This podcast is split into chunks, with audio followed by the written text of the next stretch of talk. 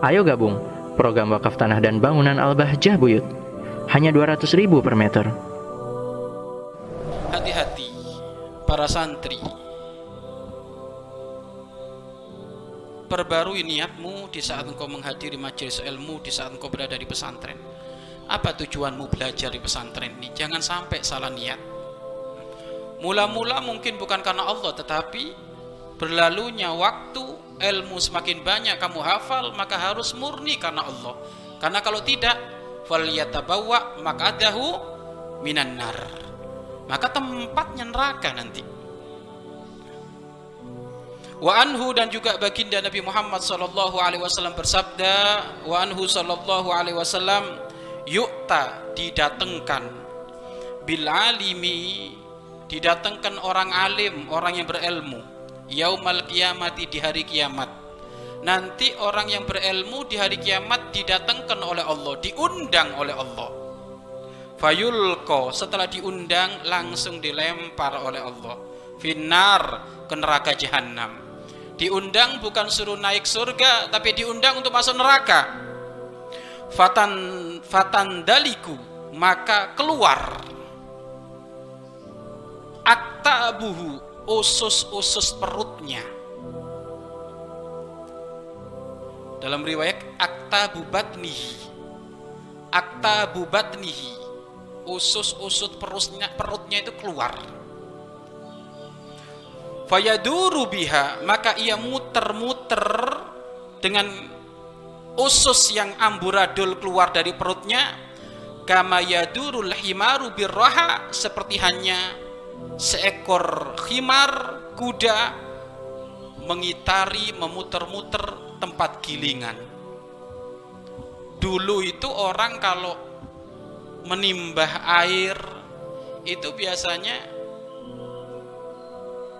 khimar suruh muter gitu itu itu dia narik air atau lagi lagi menumbuk gandum atau kayak seleb gitu itu dulu pakai khimar.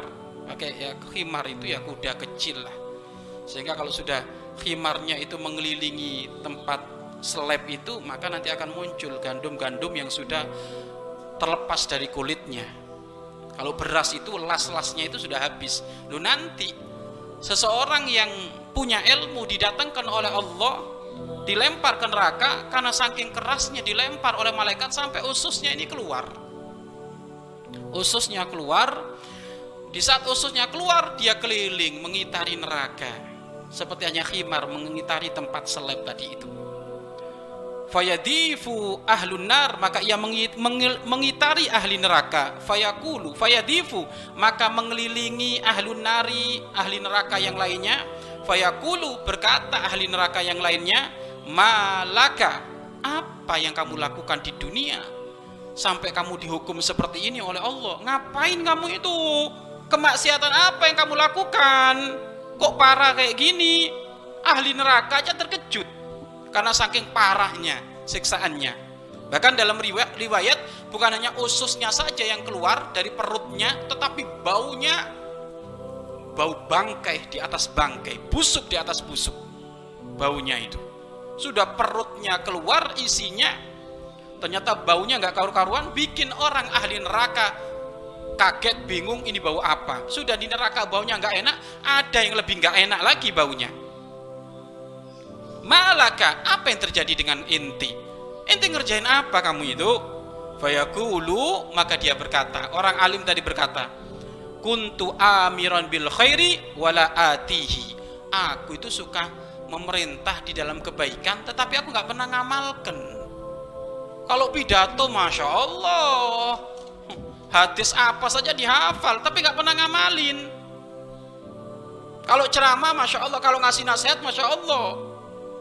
Kalau ngasih nasihat oh tangannya kenceng wisan gini gini tapi nggak diamalkan itu action. Disiksa oleh Allah. Kabur maktan indallah antakulu ma la taf'alun. Murka Allah sangat dahsyat kepada mereka yang pandai ngomong tapi tidak banyak amal. Hati-hati. Ya ini gambaran dari murka Allah ya ini. Dia akan disiksa oleh Allah di api neraka. Oh jadi kamu itu suka menyeru kebaikan Iya tapi aku nggak pernah ngamalin wa wanha anish wa anha anisyari wa atihi dan aku melarang untuk melakukan kemaksiatan kejelekan wa atihi tetapi aku ngamalkan aku ngamal ngamalkan ya ini siksaannya hati-hati ya makanya siksaan orang yang punya ilmu tapi nggak diamalkan itu dahsyat tidak ada neraka yang paling mengerikan kecuali nerakanya orang yang punya ilmu tetapi begitu juga sebaliknya tidak ada surga yang paling tinggi kecuali surganya orang ahli el, ahli ilmu. Mari berinfak untuk operasional lembaga pengembangan dakwah Bahjah Buyut.